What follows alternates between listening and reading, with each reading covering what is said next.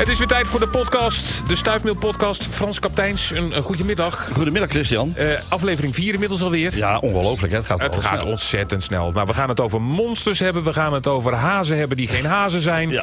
We gaan het over orchideeën hebben. Van alles komt er langs. Maar eerst maar eens eventjes uh, het dier van de week. Wat is het dier van de week geworden? Ja, dat is een, een hele mooie en ook weer zo'n prachtig mooi scrabblewoord om het zo maar te zeggen. Jeneverbes uh, kiel wans. De Jeneverbes kiel wans. Ja, zo is het. En ja, dat is een prachtig mooi diertje. Emiel uit Volkel die had hem dan op zijn tuintafel gevonden. En hij zag al dat het een wans was, dus al heel knap. Want uh, niet veel mensen kennen het verschil tussen kevers en wansen. Misschien zal ik nog één keertje uitleggen. Ja, wat is het verschil? Leg het nou mij eens uit, dat ik het kever. Een kever uh, die, en een wans lijken erg op elkaar. Alleen als je naar, uh, zeg maar, en een insect heeft een kop, borststuk en een achterlijf. Ja. En als je op het borststuk kijkt, dan zie je vaak een driehoekje zitten.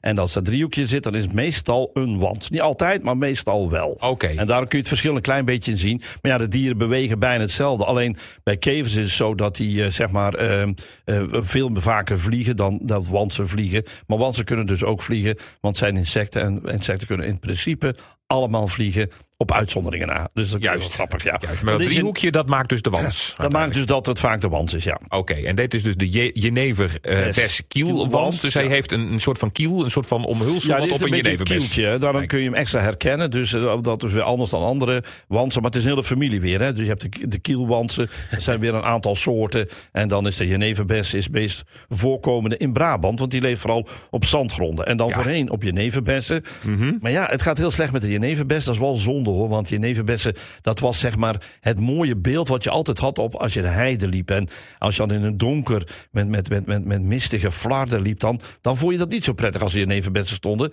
Want Jeneverbessen die hebben nooit echt één groeivorm. Die groeien alle kanten uit. En dan kan het soms wel eens een mensengedaante aannemen. Dus de verhalen over de spoken op de heide kan wel eens zijn dat er flarden zijn hangen, blijven hangen van, jenever, van nevel in de jeneverbesstruik. Oh, en als je dan in het donker uh, loopt, en je, en je Ja. ziet niet zo Ja. goed in donker. Nou, ik ben hartstikke nachtblind, maar ik zou dus ook kunnen denken dat er dan iemand Ja, staat. dat er iemand zit of dat er iemand Oh. op je afkomt. Want er zijn hele, hele bizarre zeg maar, figuren die zo'n jeneverbesstruik maakt. Oh. Maar uh, ja, het gaat slecht met de jeneverbestruik in Brabant in ieder geval.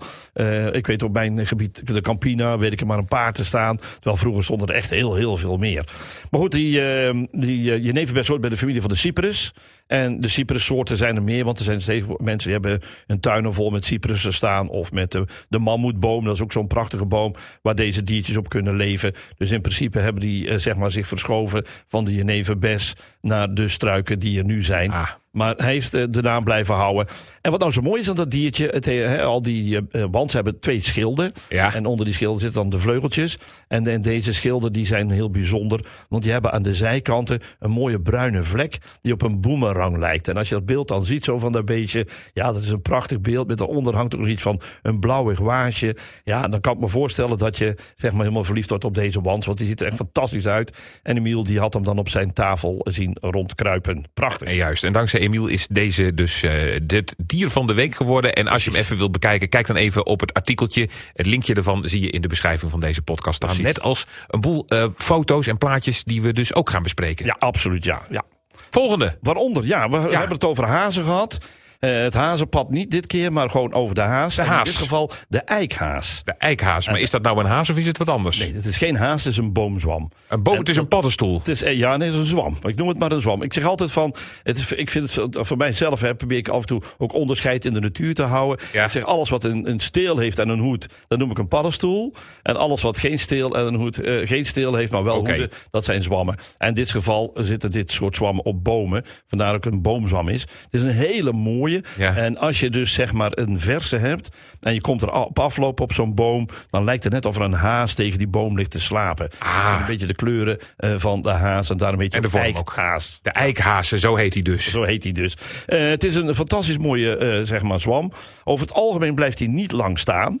het is, hij groeit dan op loofbomen en vooral op eikenbomen. Maar hij groeit ook op, op stobben. Dus het, als je dan op een gegeven moment door het veld heen loopt en ziet zo'n zo'n zo'n zo'n raar paddenstoel zitten die een beetje op een haas lijkt. Mhm. dan kun je even ondervoelen, want er zit altijd een boomstop onder. Want anders kan het niet, want die groeit echt op boomstoppen.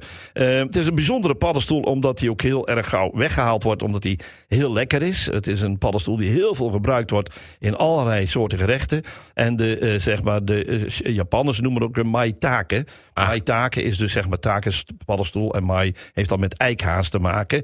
En die wordt heel vaak geoogst, maar ook gekweekt, zeg maar, omdat hij een hele lekkere aromatische smaak heeft. En eh, gezonde voordeel, want het is een paddenstoel die eh, zeg maar stimuleert effect heeft op je weerstand. Dus je krijgt een grotere weerstand. Vandaar dat hij veel gegeten wordt in, in ieder geval de Oosterse keuken, maar ook zeg maar tegenwoordig in Nederland. En verder is ook in de geneeskunde heel belangrijk, want er, is een, eh, er zitten stoffen in die zeg maar de- voor de genezen zijn tegen herpes. Oh. Dus in, de, in die zin is het een hele belangrijke paddenstoel, een belangrijke boomzwam Zwam. die in Nederland gewoon groeit. Zit je toch door elkaar heen te Ja, gebruiken, elkaar heen te gooien. Dan doe ik het zelf ook. Ja, precies. Nou, dan houden we het daar maar op. Ik heb ook hazenpootjes voorbij zien komen in wat er allemaal eh, deze week gevonden en is eh, Ja. gestuurd en gemaild. Maar deze hazenpootjes, zijn die wel echt van een echte haas of zitten we dan weer over paddenstoelen te We praten? weer over. Nou zitten we echt over paddenstoelen. Te praten, ja. Met een steeltje. En dit heeft gevonden door, door eh, T. Laurensen. Ja. Eh, die had echt een, zeg maar, zelf al ontdekt in een, grasveldje in Volkel. Ja, het is dit keer wel, wel Volkel wat de klok slaat. We hebben al twee dingen uit Volkel. Oké. wel grappig. Het is ook een hele grote stad, hè, Volkel? Ja, ja, precies. Daarom. En dat vind ik wel zo grappig. Nee, een klein dorp, maar wel veel lawaai. Ja, maar, dat heeft, en maar dat heeft veel met de lawaai, maar ook veel mooie dingen uit de natuur blijkbaar. Want Emiel en eh eh, Dorothee die vinden dat toch zomaar leuke dingetjes. Zij was ook helemaal, eh, eh, ja zeg maar, vond het fantastisch wat ze zag. Een heel mooi paddenstoeltje en dat is het ook. Want als je bovenop kijkt lijkt het of het zilveren brosjes zijn. Ja. Eh, eh, zeker als ze tegen de uitbloeitijd zijn. Ehm, maar eh, wat nou zo grappig is, is eh, dat, dat, dat paddenstoeltje... eh, en, en een zo'n hazenpootje kun je het ook al aan zien. Dat is eigenlijk een, een saprofiet die dus leeft van dood materiaal. Ja. Maar ehm, uiteindelijk eh, zeg maar verinkt. Net als de inktzwam. Dus hij hoort bij de inktzwammenfamilie. Nou, waarom heet hij nou hazenpootje? Want daar gaat het natuurlijk Ja, even ja, over in dit verhaal. Ja, omdat het oud-Grieks daar eh, zeg maar iets mee te maken heeft. Het is waarschijnlijk een wetenschappelijke naam die uit het oud-Grieks is gehaald. En als je dan kijkt, dan kun je je bij voorstellen. Want bij de jonge hazenpootjes, dan zie je zo'n witte, vreselijke paddenstoel ontstaan. En dan, die lijken een beetje op de hazenpootjes. Dus Oké. dat, is, dat is echt zo leuk. Daar komt het dan vandaan. Daar komt dat Oh, vandaan. Maar dan moet je een jong stadium zien. Maar dan moet je wel vlug bij zijn, want eh, die paddenstoelen groeien ontzettend snel op. En verdwijnen ook heel gauw en verinkten dan. En dat is de manier van hoe zij hun sporen verspreiden. Kijk, zo'n vliegenzwam, dan moet de wind de sporen wegzuigen. Ja. Want anders vallen ze allemaal naar beneden toe. Maar bij eh, zeg maar de hazenpootjes en bij andere inktzwammen loopt het als een vloeistof weg door het landschap. En proberen zo die sporen te verspreiden. Dat is natuurlijk fantastisch eh, mooi hoe dat dan gaat. Juist, precies. En zo komen we er nooit van ze af. Zo blijven ze voor Ja, toen blijven gewoon hier, hier komen. Dat is gewoon zo. Ja, en dan van de, de, de leuke diertjes naar wat jij net al zei, het monstertje. Het monster. Ja, we hebben een monster Ja, deze ja, keer. we hebben een monster gevonden. eh, Of een monstertje, want het is echt niet groot. Ik weet niet precies hoe groot het is, want het is op een, een, een, een screenshot gemaakt. Dus het is een beetje lastig om dan de grootte precies te bepalen. Maar ik heb zo naar gekeken en Leo Jacob stuurde mij dat fotootje toe, of die screenshot. Ja. En eh, ja, als ik er naar kijk, dan dacht ik in eerste instantie, ja, het lijkt een beetje op een krekel. Ja. Maar ja, ik zag zijn poten van achteren, de achterste poten vooral. En die waren vrij lang, ook vrij spierig. Dus ik denk, ja, er moet er toch wel een springhaan zijn. Maar ik weet niet welke soort, want dat kun je niet goed zien. Oké. Ik denk wel dat een, een jonge springhaan is, oftewel een juveniel zoals ze dat dan noemen. Mhm. Omdat hij nog geen vleugels heeft. Hè. Springhanen krijgen op een gegeven moment vleugels. Maar springhanen die horen bij de onvolledige gedaantewisseling. Dat betekent dus uit een ei komt een soort imago eh, al, of op een imago lijkend diertje, wat later dan de adult wordt, oftewel het volwassen dier. Ja. Dus op een, dat heb je bij eh, zeg maar libellen en bij sprinkhanen heb je dat. Dan komt er uit zijn ei een beetje kroop en dat lijkt al op een zeg maar volwassen diertje. En dat is in dit geval dan ook, denk ik. Mhm. Maar ik weet het niet zeker. Dus als mensen zeggen van ja, maar het is iets anders, dan vind ik het ook heel leuk om dat te weten te komen. Voorlopig hou ik het dus op een jonge sprinkhaan. En het is dus echt geen monster, maar Nee. een beestje wat naar buiten wil. Maar Leo noemde het een monster omdat hij zijn dochter uit de slaap was. Ja, was het precies. Dat, was, hè. dat- daar is ook wel zijn tijk in Ze feite. maken wel een rotgeluid, hè? Die, eh, Dat zeker. Dus ik zou zeggen, zet de ramen open en laat die beest naar buiten. Of pak hem op en zet hem naar buiten toe via een bekertje of zoiets. Dan ben je er ook vanaf. Dan kan dat diertje ook weer vrolijk verder leven in zijn eigen precies. Je omgeving. zegt het wel, maar meestal komt er toch wel weer een pantoffel of een, of een telefoonboek. Of, eh, Ja, ik hoop dat mensen door stuifmeel te, te luisteren... dat ze minder pantoffels en schoenen gebruiken en meer bekers. Oké, nou laten we hopen dat deze, dit monstertje het gaat overleven. Maar ja, eh, het is wel ook een, een, nou, een, een trend in ieder geval in deze stuifmeel, Frans. Ja, dat veel beestjes naar binnen komen. Veel beestjes komen naar huis, eh, komen in huizen voort. Eh, dat is echt inderdaad zeg maar, hartstikke leuk om dan te zien. Voor de ene kant, want dat worden ze ook gemeld eh, op, op stuifmeel. En ook zo heeft Hilde de Recht, die heeft ook een, een beestje gezien. Maar dan in een leegstaande droge badkuip. En ja, het lijkt wel of het zeg maar, het jaar is van de bleke kakkerlak. Want dit is dus weer een bleke kakkerlak. En in principe zijn dat boskakkerlakken. Die leven dus in het bos. Maar, maar ja, dit, dit jaar in Stuifmeel al verschillende keren een bleke eh, kakkerlak gemeld gehad. En ik denk bij mezelf, ja, hoe kan dat nou dat beest nou in één keer A, zoveel gemeld wordt... Ja. en B, zoveel de huizen intrekt? Want het is toch eh, niet wat ze normaal doen, want ze leven liever in het bos. Daar horen ze ook in thuis. En wat nou bijzonder is bij Hilde de Recht, want ze zegt van ja, want dat beestje heeft niet alleen maar eh, de beestjes ziek, maar ik zie ook een gek zwart dingetje aan zijn achterwerk. Nou, dat gekke zwarte dingetje aan het achterwerk van dit beestje, dus het is waarschijnlijk ook een vrouwtje, is naar mijn idee een kokon van die bleke, eh, zeg maar, kakkerlak. Ja, want Hilde denkt zelf eigenlijk dat het rond is, hè? Ja, die denkt, maar dat is veel te groot voor, voor zo'n klein beestje. Dus het is echt een kokon waar Een dus zeg maar nieuwe bleke kakkerlakjes in zitten waarschijnlijk. Dus, eh, en ze heeft ze buiten gezet, dus wat dat betreft hier, de patoffel is weggebleven. Mooi zo. En mooi het beestje buiten gezet. En dan hoort je ook thuis bij het, het bosgedeelte, om het zo maar te zeggen. Komt hij weer bij iemand anders binnen en dan krijgen wij weer foto's. Zo werkt het, hè? Ja, ja, dan houdt kunnen, we- ja, dat zou ook kunnen de zijn. natuurcyclus, hè? Dat werkt hier ook zo. Maar dit keer komen ze uit andere eh, eh, dorpen en andere gemeentes. Oké. Dus wat dat betreft is, zal het niet dezelfde zijn. Maar het is wel frappant dat er zoveel gemeld worden. Ja, nog meer leven in de badkuip? Nou, niet, niet in de badkuip, maar iets waar ik dus ja, meteen, ik werd er helemaal warm van. Ik ging ook echt achterover zitten toen ik die foto zag. Ik denk, wauw, dat is wel zo mooi. Kees, van, Kees Jan van Kuik, die had in zijn bak met mossen en, eh, en, en vleesetende planten, had hij volgens hem dus inderdaad een orgis gezien. En dat is inderdaad een orgis. En hij dacht zelf aan een schroeforgis. Nou, meer bepaald is de herfstschroeforgis. Herfstschroeforgus. Ja, ja dat, eh, hij, dat is fantastisch mooie witte bloemetjes. Hè. Kraken, kraakwit, om het zo maar te zeggen. Eh, daarnaast, eh, waarom heet hij nou schroef? Omdat die bloemetjes in een soort schroefdraad zitten. Die zitten helemaal gedraaid zo aan, aan een stengel. Ja, het plantje wordt niet hoger dan 15 centimeter. Dus je moet wel heel goed opletten altijd voor dit soort plantjes.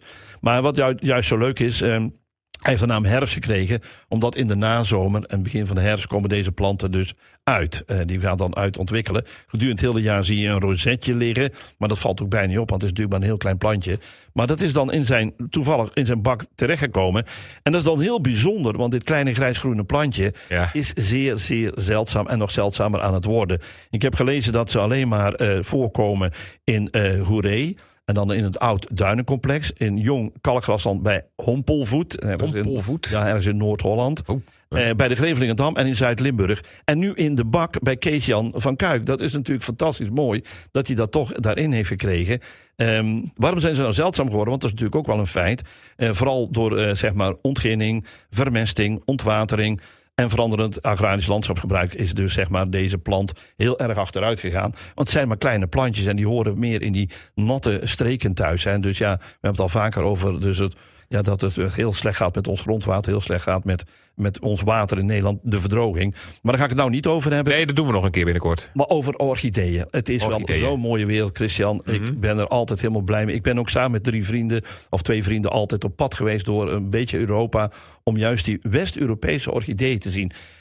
Al grofweg gezegd kun je eh, orchideeën in twee delen pakken. De echte parasieten, dat zijn tropische orchideeën. Ja. En de in zeg maar West-Europa levende orchideeën. En dat zijn symbionten, zo heet dat met een mooi woord. En symbionten betekent symbiose, dat betekent samenleven. Zij leven samen met een schimmel.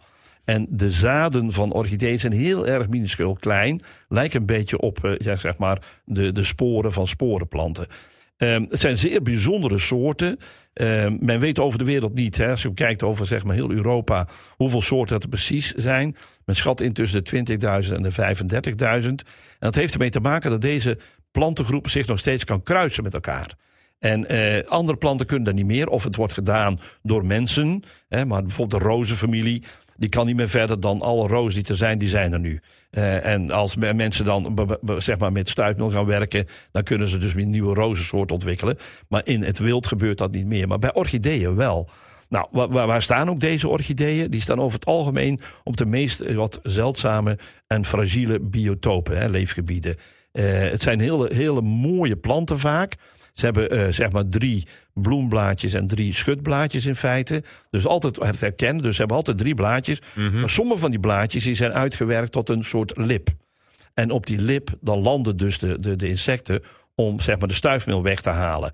En eh, wat, dan, wat nou zo mooi is, sommige van die orchideeën, die bootsen iets na. Bijvoorbeeld de vliegenofries, dat is ook een orchideeënsoort. Die bootst eigenlijk een bepaalde sluipwest na. En die plant, die komt eerder uit dan het vrouwtje van die sluipwesp. En een mannetje, die ruikt dan op een gegeven moment die orchidee... en denkt dus dat het vrouwtje is van die sluipwesp en gaat copuleren. Maar wat hij dan Dat doet, is doordat... Ja, zeg maar gewoon een paar. Ja. En, en wat hij dan doet, is dat hij met zijn eh, zeg maar, eh, paringsritueel... duwt hij een blad naar beneden toe van zo'n bloem... Ja. en komen de stuifmeelknotjes die bovenin zitten... op, die, die, op dat mannetje staan. Ja, dat mannetje heeft niet één vrouwtje, heeft meerdere vrouwtjes, ook meerdere orchideetjes gaat hij naartoe. Dus zo vindt die bestuiving plaats van die, eh, die orchidee. En zo zijn er veel meer van die insecten nabootsende orchideeën. Wat dus, Ja, zeg. dat is mooi hè. Dus die wesp die gaat dus terug naar zijn vrienden, zeg maar. Die zegt van nou, ik heb even een mooie. Ja, een ik, heb mooie even een vrouw, ik heb een mooie wip gehad, maar je heeft op een plant gezeten. Ja, die heeft op een plant gezeten. Ja, dat is geweldig toch? Oké, ja. En, ja, en er zijn dus nu, er is ook een bijenoffries die ook in Nederland groeit. Ja. En die denkt bij zichzelf, ja, maar die mannen, ze kunnen me de pot op. Wij doen het zelf wel als plantje. Dus die doen aan zelfbestuiving. Dus op een gegeven moment zie je zo'n bloem helemaal in elkaar vouwen. En dan zie je dat zo'n plant, hè, die stuifmeel, op de stempel drukt van zijn eigen plant. Dus die doen aan zelfbestuiving. Ja, die zijn er natuurlijk ook van die mannen die ook aan zelfbestuiving doen. Dus in dit geval doen orchideeën dat ook. Oké, ja, je komt echt dingen tegen in de natuur. Soms heel ken- herkenbaar en soms niet zo. Ja, want dat is gewoon zo. Maar, nou ja, in het, in het oosten, hè, dus, en ook in het verre oosten, daar werd vroeger orchideeën, die werden dus, en vooral de handekeskruidorchideeën, Ja. die werden dus zeg maar geoogst, maar niet voor de plant, niet voor de bloem, maar voor de wortels die een beetje op tiltballen leken. En die werden onder de kussens gelegd van de vrouwen, zodat ze hoopt dat die vrouwen meer vruchtbaar zouden worden. Dus wat dat betreft worden die orchideeën zeg maar al lang in onze wereld gebruikt als symbool voor vruchtbaarheid. En als, ze, als je ze tegenkomt, nou, werkbaar, het zijn zulke mooie planten.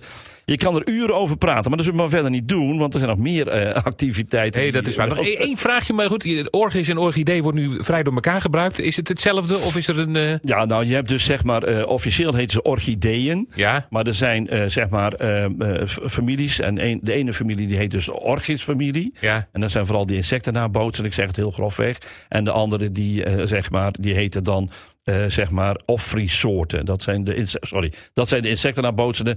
En de andere zijn niet insecten nabootsende. Zo noemen ze het verschil. Ah. Maar het zijn allemaal orchideeën. En de verwarring zit in het feit dat er dus zeg maar eh, over de wereld die tropische orchideeën zijn, wat dus parasitaire orchideeën zijn, en de West-Europese orchideeën, wat niet parasitair zijn, maar die leven samen met een schimmel.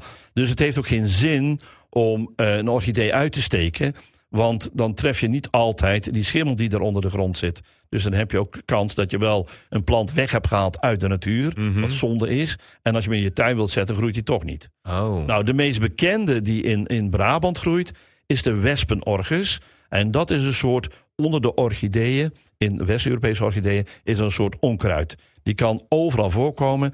En wat daar nog grappig van is, dat die eh, ook boven zeg maar, bepaalde planten uit kan groeien. Kan heel lang groeien, omdat hij dan zeg maar, de strijd wil winnen in fotosynthese en groter Mhm. worden. Maar deze orchidee die trekt dus wespen aan. Heeft ook een beetje de vorm van een wespenkopje, het plantje.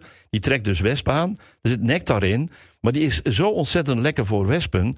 dat het wel eh, door die wespen gebeurt. er Dan, die gaan dan pa- een paar keer terug naar die bloemen. Net zoals een, eh, iemand die de kroeg eh, ingaat. en denkt: Ik heb bier genoeg gehad, want ik loop daar ook over. Naar buiten gaat en denkt: Oh, ik heb toch nog wel zin in een pilsje. en dan weer even terug. gaat. Ja, precies. En dan zie je die wespen onder die planten aan het rondtollen op hun vleugels. Dat is echt zo fantastisch mooi om te zien.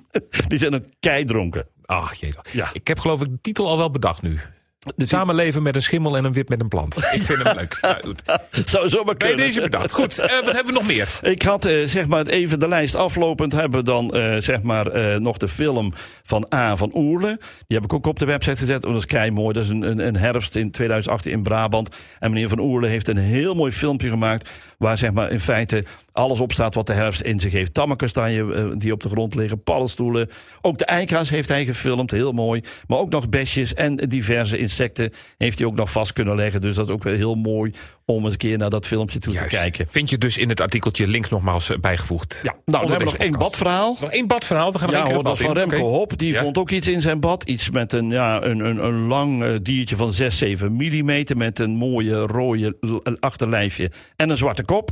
En hij vroeg zich af wat dat is. En heel toevallig heb ik die vorig jaar zelf in, eh, niet in mijn badkuip gezien, maar buiten in het schuurtje gezien. Mhm. En dat is namelijk een, eh, zeg maar een larve van de, en dan komt er weer zo'n prachtig lang mooi woord, een bastardweekschildkever. Prachtig. Maar welke bastardweekschildkever het is, dat kan ik niet zeggen. Want dan moet je het diertje verder gaan ontleden, bij wijze van spreken. Want er zijn 17 verschillende soorten bastardweekschildkevers. En er zijn nog weekschildkevers die ook nog gewoon de, eh, anders zijn als de soldaatjes bijvoorbeeld. Dus het is een heel ingewikkelde materie. Maar wat wel heel belangrijk is voor Remco, is dat eh, zeg maar die larven, eh, die leven van insecten die in vermolmd hout leven. Dus ik zou toch de badkamer eens na gaan kijken. Om eens te kijken of daar niet wat vermolmd hout zit. Want ja, daar, daar zitten ze in. En zeg, zo'n volwassen diertje, zo'n vrouwtje, legt dan eitjes op vermolmd hout. Omdat ze weet dat daar beestjes in zitten. En die larve is echt een rover. En die rooft dan die beestjes. Maar ja, dat betekent wel. Dat dat hout vermolmd is, hè? vermolmd hout moet zitten. Oké. Dus ik zou toch even kijken. nakijken. Of, of, of, het, of het toch niet misschien in de buurt van de badkamer wat vermomd hout zit. Want dan zou het toch een zonde zijn eh, van, van het verhaal van de badkamer, om het zo maar eens te zeggen. Goed, dan hebben we de hele boel hebben gehad. Ehm, tot slot natuurlijk de natuurtip nog, want die moet ik ook eventjes doorgeven. Ja, zeker. Ja, ja, ook nog even, ja. En die natuurtip, dat is wel een leuke. Dat, is, en dat gebeurt steeds vaker. Ik zet ook steeds vaker wildcamera's uit om te kijken wat er nou in de natuur leeft allemaal. Maar in Ossendrecht eh, bij... eh, Je zet ze, oh, je zet ze uit. Oh, je, je, je zet ze, ze- en dan oh, je aan. zet ze weg, ja. ja je zet ze weg en daarna zet je ze aan. Ja, nee, precies. Ja, oké. Als je uit hebt gezet, dan zet je ze inderdaad aan. Ja, oké, heel goed. Eh, maar dat eh, is in dit geval bij de. eh, dat, dat is dan leuk. Die mensen hebben besloten om de kinderen eens een keer te laten genieten van zo'n wildcamera. En dat is dan het gebied Kleine Meer. Mhm. En nou, er zijn dus hele mooie beelden dan te vinden. Want het zijn ook soms heel verrassende beelden. Bijvoorbeeld Marterachtigen. Die vinden het heel leuk om zich te showen voor een camera. Die gaan dus heel altijd voor die camera staan. Kijk, reeën lopen gewoon voorbij, snuffelen de kinderen aan. Maar die Marterachtigen, die komen een paar keer terug. Dus dat is leuk is om dat te zien. Nou, het startpunt is eh, bij de werkschuur van eh, Natuurmonumenten aan de Brabantse Wal. Nou, daar heb ik al netjes op de website gezet van Omroep Brabant. Eh, maar wat leuk is voor die kinderen, is dat ze op het einde, als alle filmpjes gezien zijn, dan krijgen ze warme chocomel en marshmallow. Oh, kijk nou Wie toch. wil dat nou niet? Nou, fantastisch. Kijk even het artikeltje. Het staat dus bij het, eh, de link naar het artikel staat bij dit, eh, dit verhaal hieronder, onder deze podcast. En als je vragen, filmpjes, opmerkingen over deze podcast bijvoorbeeld hebt, mag allemaal naar stuifmail.omroepbrabant.nl. Frans, tot de volgende. Tot de volgende!